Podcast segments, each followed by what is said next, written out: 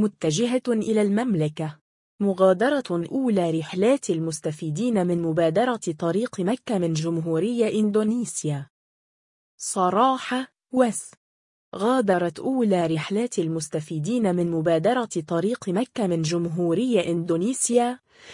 أمس إلى المملكة عبر صالة المغادرة في مطار سوكارنو هات الدولي بجاكرتا. متجهة إلى مطار الأمير محمد بن عبد العزيز الدولي بمنطقة المدينة المنورة بحضور سفير خادم الحرمين الشريفين لدي إندونيسيا فيصل بن عبد الله العامودي ووزير الشؤون الدينية بإندونيسيا ياقوة خليل قوماس يذكر أن مبادرة طريق مكة إحدى مبادرات وزارة الداخلية ضمن برنامج خدمة ضيوف الرحمن أحد برامج رؤية المملكة 2030 وتهدف إلى إنهاء إجراءات ضيوف الرحمن من بلدانهم بدءا من إصدار التأشيرة إلكترونيا وأخذ الخصائص الحيوية ومرورا بإنهاء إجراءات الجوازات في مطار بلد المغادرة بعد التحقق من توفر الاشتراطات الصحية إضافة إلى ترميز وفرز الأمتعة وفق ترتيبات النقل والسكن في المملكة